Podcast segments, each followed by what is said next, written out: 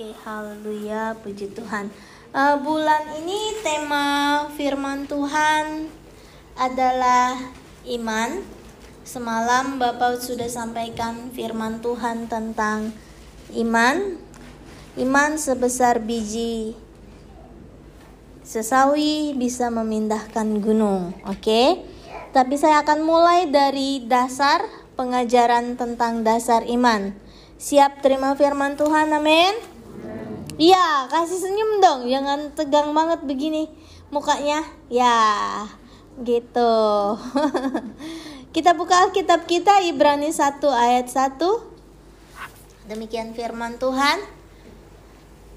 Iman adalah dasar dari segala sesuatu yang kita harapkan dan bukti dari segala sesuatu yang tidak kita lihat.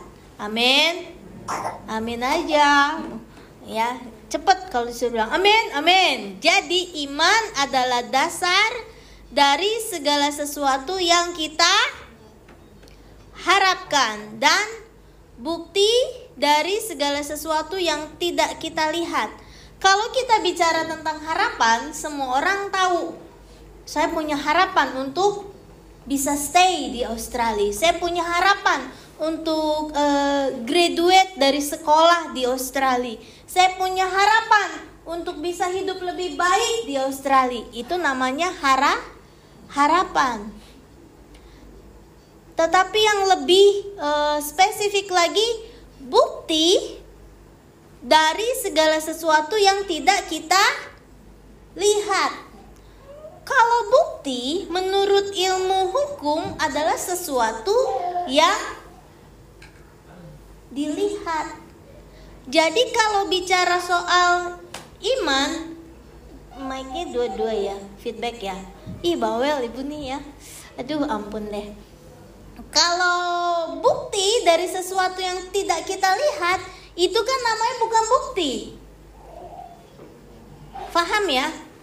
Tetapi memang firman Tuhan, Alkitab, kekristenan kadang-kadang mengajar sesuatu yang sulit diterima oleh nalar, tetapi kita harus lakukan. Tapi yang saya mau bilang siang hari ini adalah begini. Semua agama mengajarkan iman. Oke? Okay? Semua agama mengajarkan iman kan? Iya nggak? Setuju nggak nih? Ih, diem aja ih. Semua agama mengajarkan iman karena kalau kita tidak beriman, kita tidak akan memeluk agama tersebut. Ya dong. Sampai sini mengerti ya? Semua agama mengajarkan iman.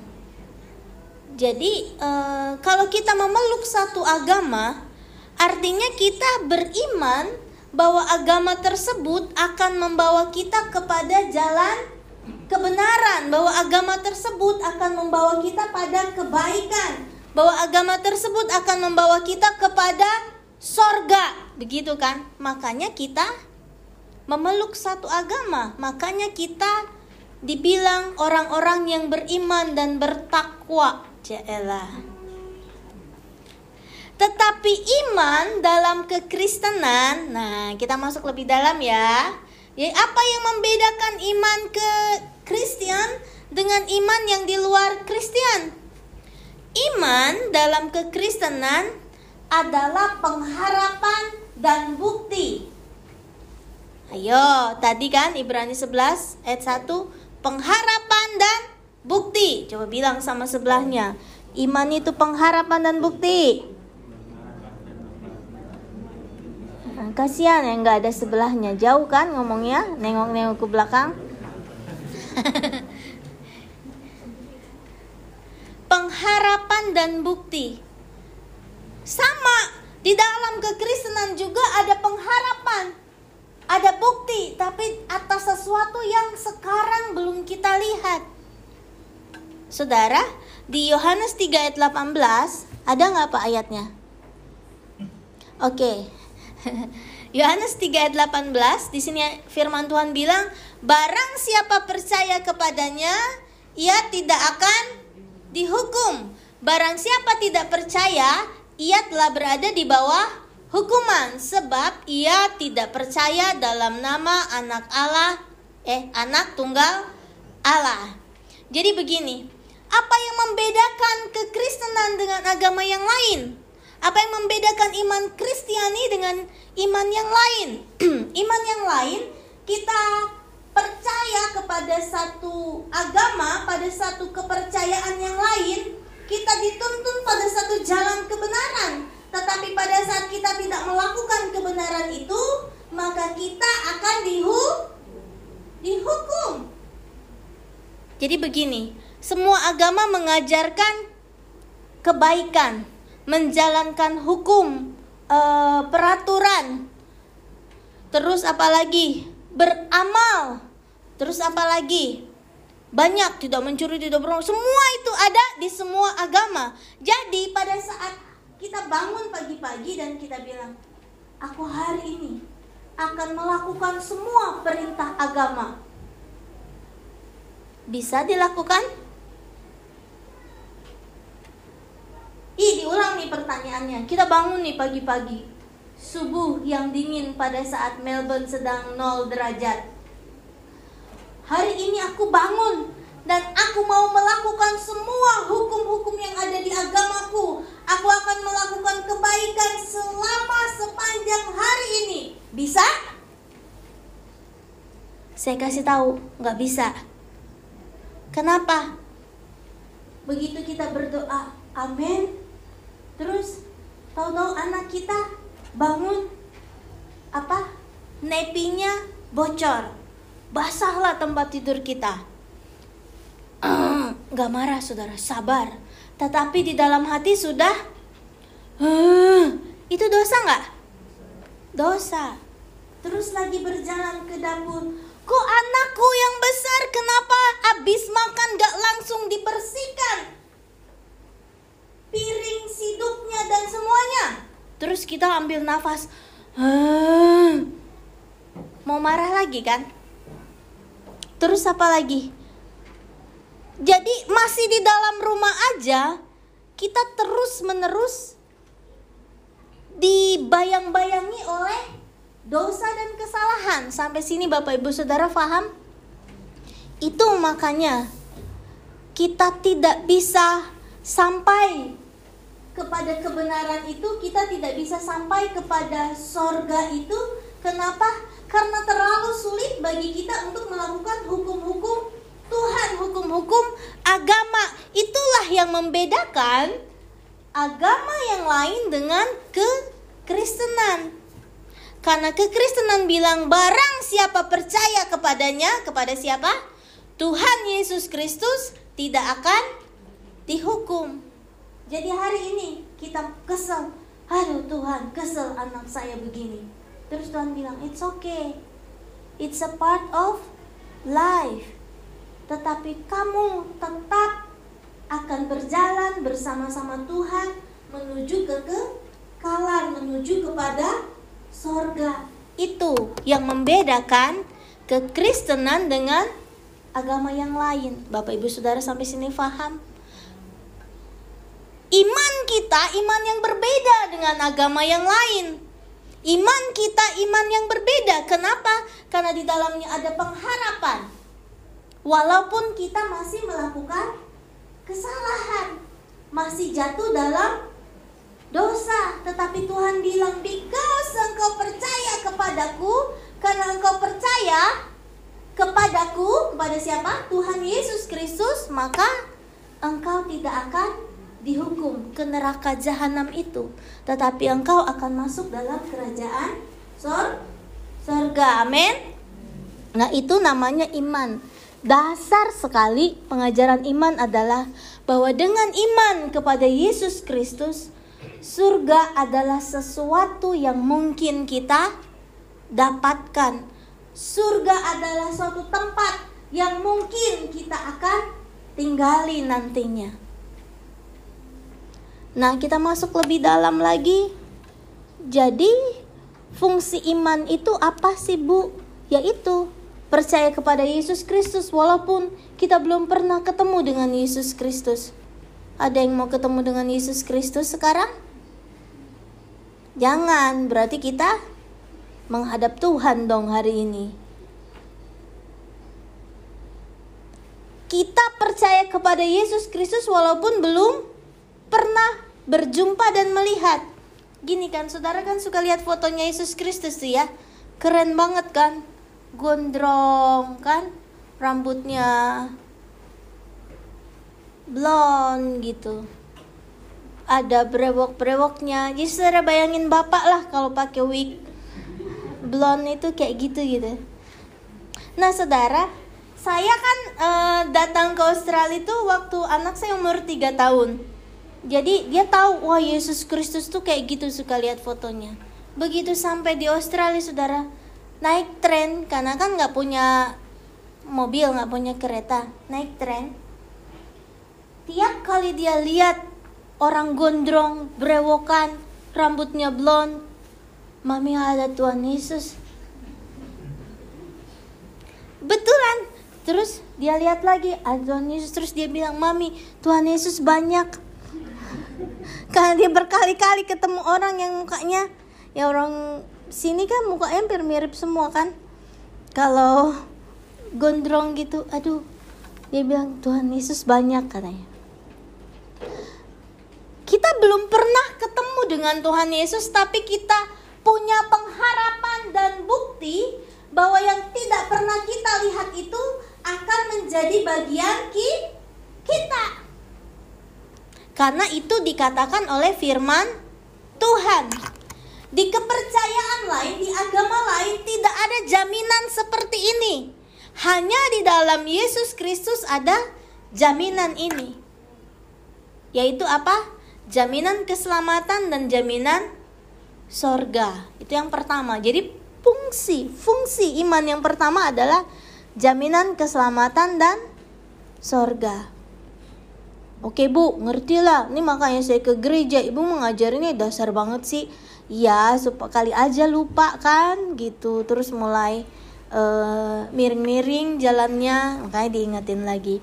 Yang kedua, fungsi iman yang kedua adalah uh, kita akan kuat menghadapi penderitaan selama kita masih hidup di dunia. Jadi fungsi iman itu cuma dua ya Bapak Ibu Saudara. Satu, jaminan keselamatan dan sorga. Yang kedua adalah kekuatan untuk menghadapi penderitaan selama kita hidup di dunia. Jadi maksud ibu selama kita hidup di dunia akan berteman dengan penderitaan? Jawabannya ya. Kalau nggak ada dalam penderitaan, kita semua nggak kerja. Bercocok tanam aja terus di kampung halaman, makan dari ubi kayu, makan dari pohon yang kita tanam, nggak payah pengen kereta, nggak payah pengen rumah, makan tanah mau makan beras tanam padi sendiri. Gitu. Sebetulnya kan penderitaan karena kita hidup di dunia karena Adam dan Hawa diusir dari Taman Eden lalu hiduplah terus dalam penderitaan seperti sekarang pada saat Adam dan Hawa diusir dari Taman Eden Tuhan bilang apa? Hawa, kamu akan menderita sakit melahirkan. Adam, kamu akan bekerja banting tulang untuk hidup.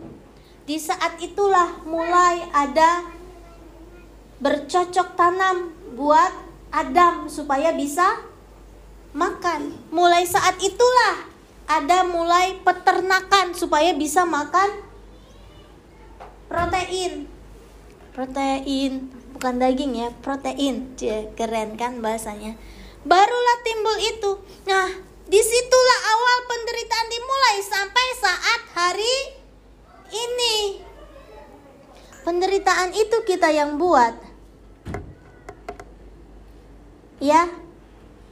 Kan tinggal di Malaysia menderita, mencoba pindah ke Australia. Di Australia menderita lagi, tidak selesai-selesai penderitaan itu.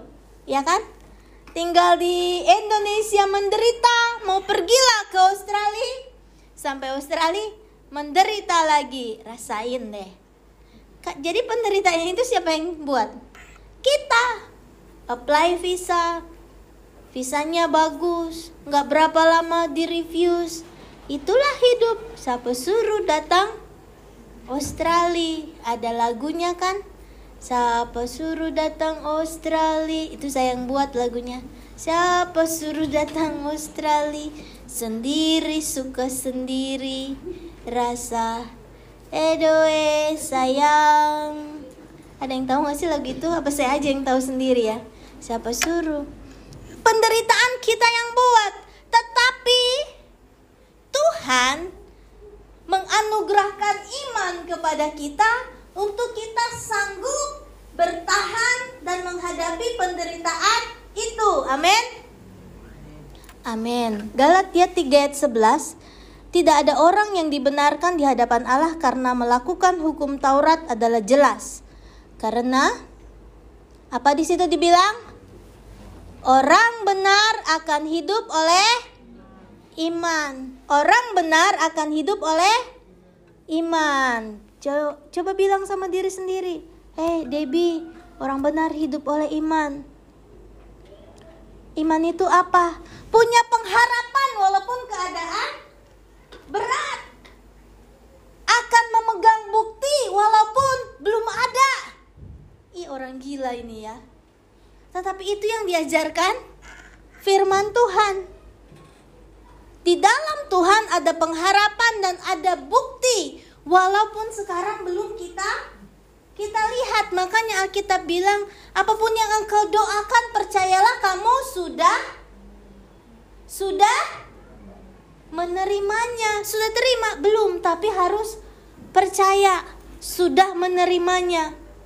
Ini namanya iman. Makanya ketika kita menghadapi masalah di dalam keluarga menghadapi masalah dengan anak menghadapi masalah keuangan, menghadapi masalah izin tinggal, sekolah, apa pun itu, kita akan tetap punya pengharapan.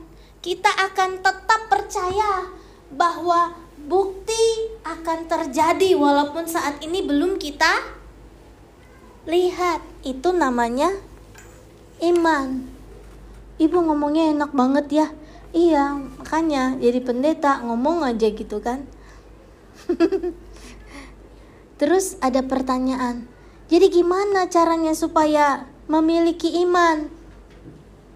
Gimana caranya Bu supaya memiliki iman? Saya mau bilang sama Bapak Ibu Saudara, ketika saudara terima Tuhan, berdoa nih, Tuhan Yesus jadilah Tuhan dan Juru Selamat atas hidupku. Ampuni dosa-dosaku. Amin. Saat itulah engkau punya iman. Tuhan sudah taruh iman di dalam hatimu. Pada saat kita menyerahkan hidup kita terima Tuhan kemudian dibaptis, situlah ada iman dan Roh Kudus di dalam hidup kita.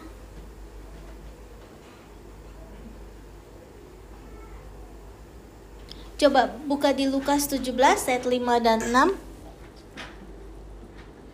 Lalu kata rasul-rasul itu kepada Tuhan, "Tambahkanlah iman kami." Jadi artinya iman sudah ah, ada, tinggal perlu ditambahkan. Terus jawab Tuhan, "Kalau sekiranya kamu mempunyai iman sebesar biji sesawi saja, maka kamu dapat berkata kepada pohon ara ini, terbantunlah engkau dan tertanamlah di dalam laut dan ia akan taat kepadamu. Terbantun itu apa? Tercabut.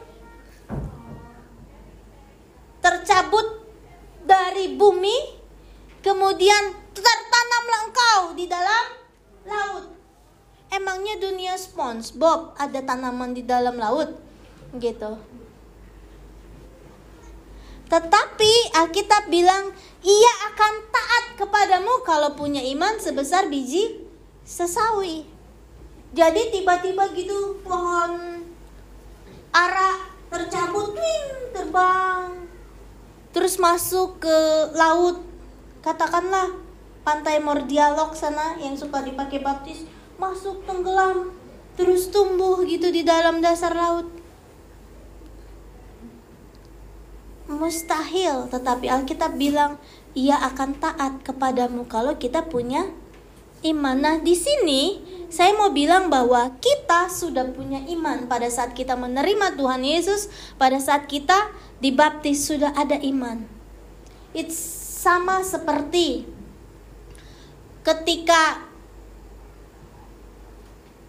seorang sepasang suami istri menikah, kan? Setelah dia menikah di altar Tuhan, di gereja, di hadapan Tuhan, dia menikah, maka mulai saat itu apa yang dimiliki suami adalah miliknya istri. Cepat banget jawabnya. Istri. Yang dimiliki istri adalah milik istri. Loh. Kasihan banget suaminya. Apa yang dimiliki suami adalah milik istri, apa yang dimiliki istri adalah milik suami. Tapi di awal-awal pernikahan kan istrinya masih malu. Mau minta uang belanja dia diam-diam aja. Dia bunyikan uh, panci. Tang tang tang tang. Kok nggak sadar sadar nih suami? Nggak bagi-bagi uang gitu. Beras sudah habis, kok suami diam aja. Kita goncang-goncang tempat beras, kusur kusur kusur kayak main marakas gitu. Terus suaminya bilang, "Kenapa kamu gitu? Kenapa kamu pukul-pukul panci? Kenapa kamu goncang-goncang tempat beras?" E, mau kasih tahu saya mau masak berasnya habis. Terus suaminya bilang apa? itu di jaket saya ada wallet saya. Ambillah buat beli kan gitu. Ambillah buat belanja di pasar beli beras, beli sayur, beli protein. Ambil, beli daging, ambil. Terus ada yang bilang, Bu, suami saya nggak gitu. Nah, berarti salah, pilih suami. Ambil aja. Kan punyaku, punyamu juga. Punyamu, punyaku juga. Ambil. Oh, ambil. Ini saudara ngerti maksudnya? Iman itu sudah ada. Itu semua sudah milik bersama, milik kita. Tapi kita masih malu menggunakannya. Kita tidak berani menggunakannya. Kita ragu-ragu menggunakannya, padahal itu sudah ada di dalam kita. Sampai sini paham? Jadi iman sudah ada di dalam diri kita. Jangan kita lagi menjadi bodoh. Menjadi bodoh gimana? kan bodoh kalau sudah menikah, uang suami adalah uang istri, uang istri adalah uang suami. Kemudian ada salah satu pasangan yang masih terus malu-malu dan ragu-ragu dan takut dan ketika tidak ada beras, tidak ada makanan, maka dia mengetuk pintu orang tuanya. Mama, minta beras. Loh, kenapa? Uh, suami kamu gak kasih uang? Uh, enggak. Kan terjadi pertikaian rumah tangga. Kalau begitu yang terjadi kan? Terus atau lebih parah lagi, pergi ke tetangga, pinjam uang, nggak dibagi kau uang sama suami? Enggak.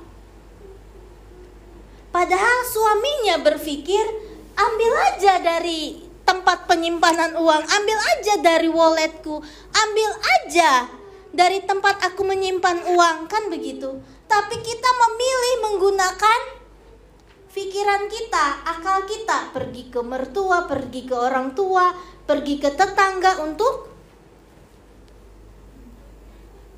pinjam uang, pinjam beras, pinjam bawang, pinjam cabai. Saya orang kampung ya. Jadi kadang-kadang begitu. Kalau pagi-pagi permisi mau pinjam serai. Bapak Ibu Saudara tahu nggak sih serai? Ya, uh, lemongrass oh ya ambil aja. Mereka ambil di kebun pinjam gitu ya. Gitu. Padahal ya kita sudah menikah. Ambil aja. Nggak akan dibunuh karena istrinya ambil. Asal bilang aku ambil uang ya buat beli beras. Aku ambil uang ya buat pergi belanja ke pasar kan gitu. Jadi kalau ada suami yang masih marah istrinya minta uang bilang dengan baik-baik bertobat ya ini punya sama-sama loh. nah, iman itu begitu. Iman itu begitu sudah ada di dalam kita, tetapi kita tidak menggunakannya. Ketika kita punya masalah, kita memilih menyelesaikannya dengan cara otak kita sendiri, dengan pikiran kita sendiri. Wah, gak dapat kerja nih, gunakan iman dong gitu. Enggak, jangan iman itu kelamaan harus berdoa. Apa? Udah kita cari aja. Cari di phone book telepon kita mana orang yang bisa kasih kita pekerjaan. Itu yang biasa kita lakukan. Itu sama dengan seorang istri yang gak mau buka dan bilang sama suaminya minta uang dan dia lebih memilih pergi ke tetangga pergi ke jirannya pergi kepada mertuanya pergi kepada orang tuanya dan pinjam apa yang akan terjadi ketika itu kita lakukan? Hati suami se sedih. Kemudian akan terjadi perti pertikaian. Kalau mama saya punya menantu begitu kan dia marah, "Mak, minta minta berasku, Mak." Kenapa? Uh, Krisno nggak kasih uang? Eh, tidak. Wah, mama saya bakalan datang. Kamu nikahin anak nggak kasih beras? Wah, panjang saudara Akibat itu bisa jadi pertikaian. Jadi, pada saat kita menghadapi masalah di pekerjaan, di rumah tangga, keuangan, studi ataupun sakit penyakit apa saja, gunakan iman. Bilang kepada Tuhan,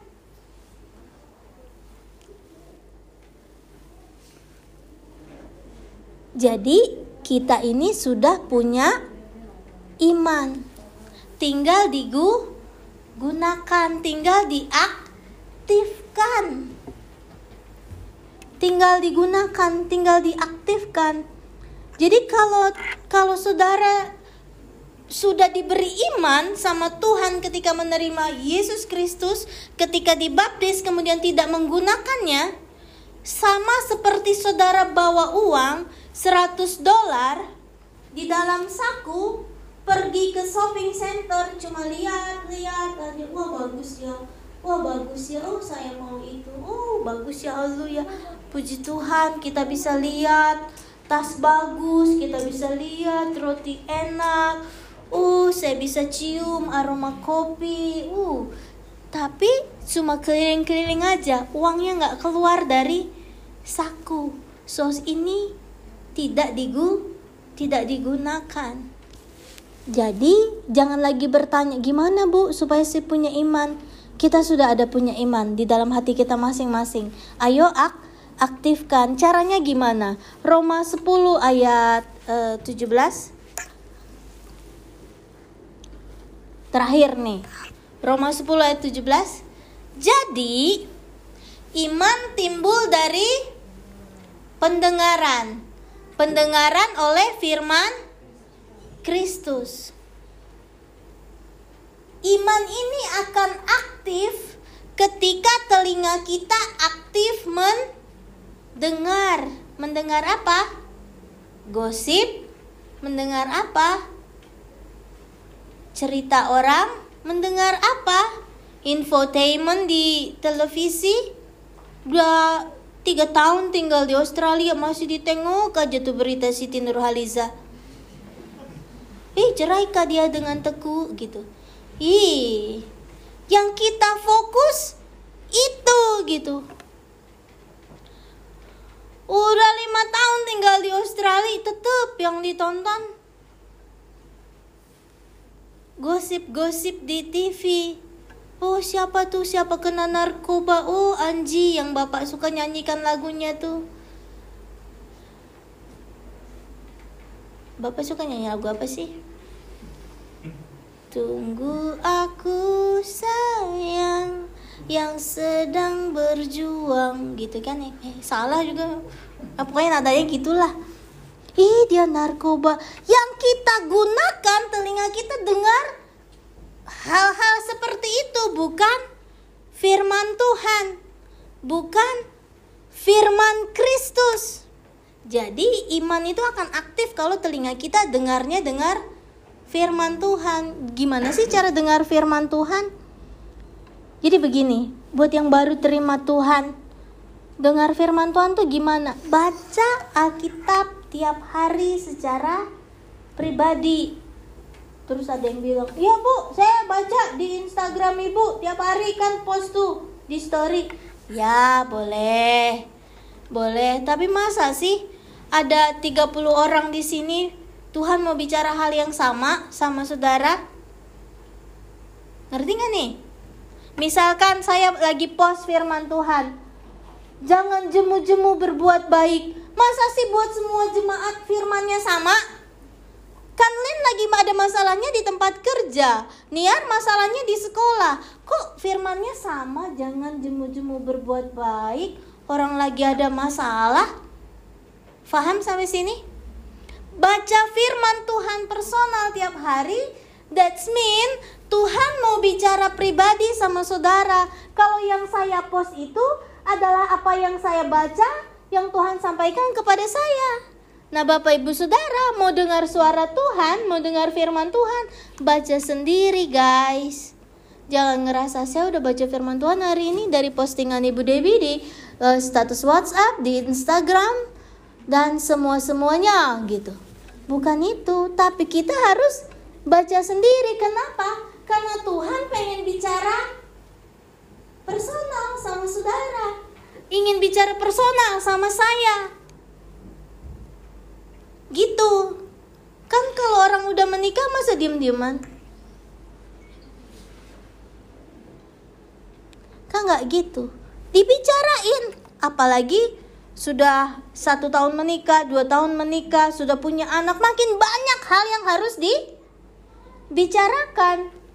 Nggak terus diem-dieman. Jadi kayak hari ini, ibu ini sama Pak Emi uh, eh, WL, susah loh suami istri WL berdua.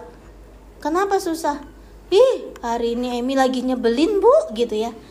Mau WL berdua lagi, hmm, gitu kan. Susah. Perlu persiapan secara khusus. Gitu. Makanya baca firman Tuhan tiap hari karena Tuhan mau bicara personal sama kita. Tuhan tahu nggak masalah kita? Tahu. Tuhan mau kasih jalan keluar nggak? Mau. Gimana caranya? Ya baca firman Tuhan mau kasih tahu jawabannya.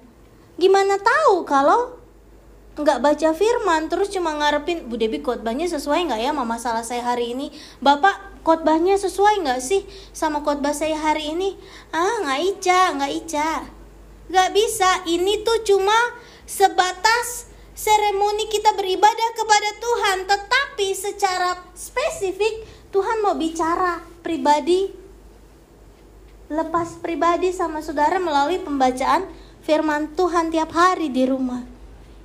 Tuhan mau banget ngomong banyak sama saudara. Jadi akan ada jawaban tuh Tuhan kapan utang saya lunas? Akan ada jawabannya di Alkitab. Bener bu. Bener baca aja. Saudaranya aja nggak mau baca. Dari mana bu? Dari kejadian sampai wahyu di mana ayatnya? Makanya baca. Baca ada tuh dari kejadian sampai wahyu. Pusing-pusing. Kan? Tapi akan ada jawabannya di situ kemudian dengar iman itu dengar firman itu dari mana sih supaya timbul iman? Kayak tadi tuh. Praise and worship. Saudara, firman Tuhan yang saya sampaikan hari ini bisa saudara anggap sebagai hiburan. Tetapi pada saat Bapak Ibu Saudara tadi menyembah Tuhan, praise and worship yang dipimpin sama Pak Emi dan Ibu Winnie, di situlah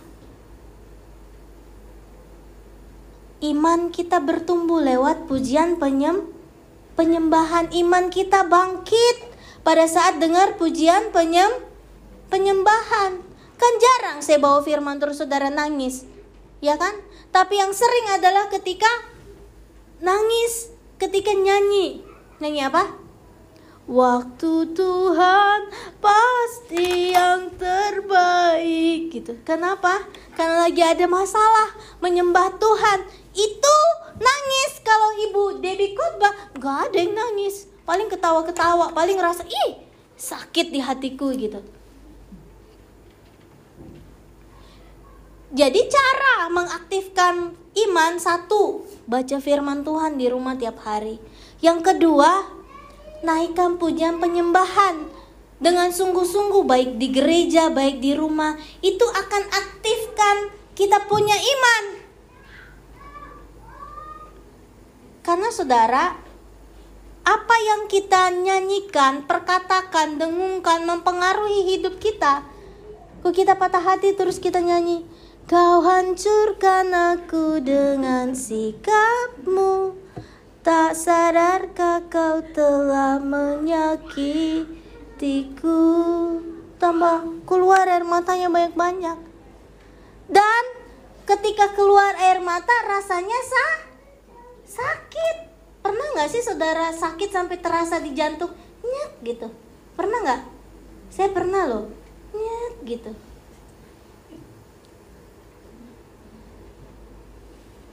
Daripada kita nyanyi begitu diganti. Waktu Tuhan pasti yang terbaik. Efeknya lega. Beda dengan Kau hancurkan aku dengan sikapmu Cielah Sakit Tapi kalau kita menaikkan pujian penyembahan ada sukacita, ada damai sejahtera, ada kekuatan. Jadi cara mengaktifkan bir, firm apa iman adalah dengar firman, kemudian naikkan pujian penyembahan. Makanya jangan ada yang terbalik, ada yang terbalik begini datang ke gereja, ah terlambat nih, ah untung belum firman. Firman mang kau bisa baca sendiri di rumah.